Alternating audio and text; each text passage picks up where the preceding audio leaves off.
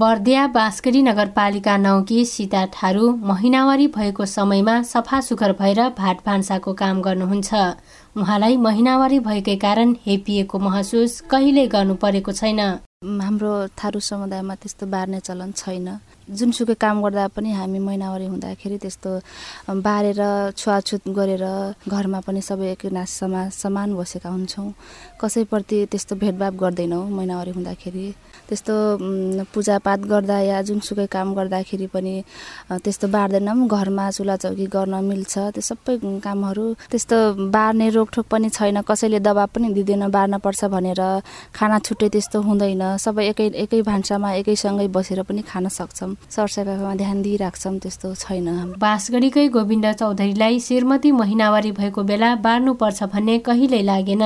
महिनावारी हुँदा सरसफाइमा ध्यान दिन श्रीमतीलाई सुझाव दिने उहाँ घरभित्र र बाहिरको काममा परिवारले पनि कुनै रोकटोक नगर्ने बताउनुहुन्छ। मेरो श्रीमती त्यस्तो हुँदाखेरि हामीले कसैलाई कहिले पनि त्यस्तो रूपमा हेरेका छैन। त्यस्तो नभएको बेलामा जुन रूपमा हेरिन्छ त्यस्तै अवस्थामा हेरिन्छ श्रीमतीलाई पनि। सरसफाइको काम त अब आफ्नो सरसफाइ आफै गर्ने हुन् अनि त्यस्तो छुवाछुट चाहिँ गरिन्न। खाना पकाउने यताउति सबै चल्छ हाम्रो भान्सामा पनि। थारू समुदाय प्रकृति पूजक भएकाले महिनावारीलाई प्रकृतिको वरदानका रूपमा लिन्छन्।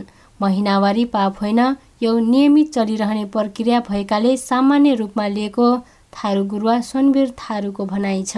महिनावारी हाम्रो वर्ण जातिसम्म पुरुम पर्खा से हमारा आयल बाकी हाम्रो थारू जातिमा हाम्रो महिनावारी हुइला से हाम्रो छै पुरै कुनै चिज हुइला से हाम्रो नहीं भर्ना कार्य छ प्रकृति कारण तो भगवान के लीलाले को हुइला चिज हो हाम्रो नहीं भर्ती। त हाम्रो थारू नहीं भर्ती नहीं मन थियो हाम्रो होइन हाम्रो छैछुट कुछ नहीं मन थियो बर्दिया जिल्लामा करिब त्रिपन्न प्रतिशत थारू समुदायहरूको बसोबास रहेको छ। यो समुदायमा महिनावारी बार्ने चलन पहिलेदेखि नै छैन तर हालाएर अन्य समुदायको सिको गर्न थालिएको छ। गलत परम्पराको सिको गर्न नहुने बताउनुहुन्छ मानव अधिकार कर्मी सुशील चौधरी।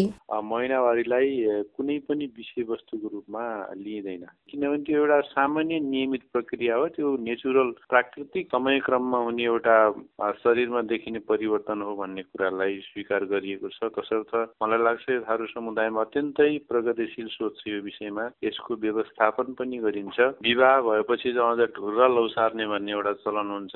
त्यसमा मासिक धर्म त्यसले दिने सृष्टि र सृजना नयाँ पालुवा पलाउने एउटा विषयवस्तुको रूपमा आफ्नो कुल देवतासँग पूजा गर्ने सम्मान एकदम खुसी हुने र त्यसलाई निश्चित स्थान दिने तौर तरिकाहरू छ। तसर्थ थारू समुदायमा यो मासिक धर्म अथवा महिनावारीलाई एउटा अत्यन्तै ठुलो अवसर र राम्रो विषयवस्तुको रूपमा स्वीकार गरिएको मैले देख्छु। पुरुषले पनि त्यो यसलाई कुनै विषयवस्तु बनाउने अथवा नराम्रो ठान्ने त्यस्तो हुँदैन। त्यसो भए हुनाले अब त्यो साथीभाइलाई देखेर अनावश्यक रूपमा फेरि आफूलाई अनावश्यक प्रक्रियामा लिएर जानु त्यो आफैमा राम्रो होइन। थारू समुदायमा महिनावारी नबार्ने मात्रै होइन छुवाछु जस्तो विभेद पनि हुँदैन जसले यो समुदायलाई अरूभन्दा पृथक र उदाहरणीय बनाएको छ।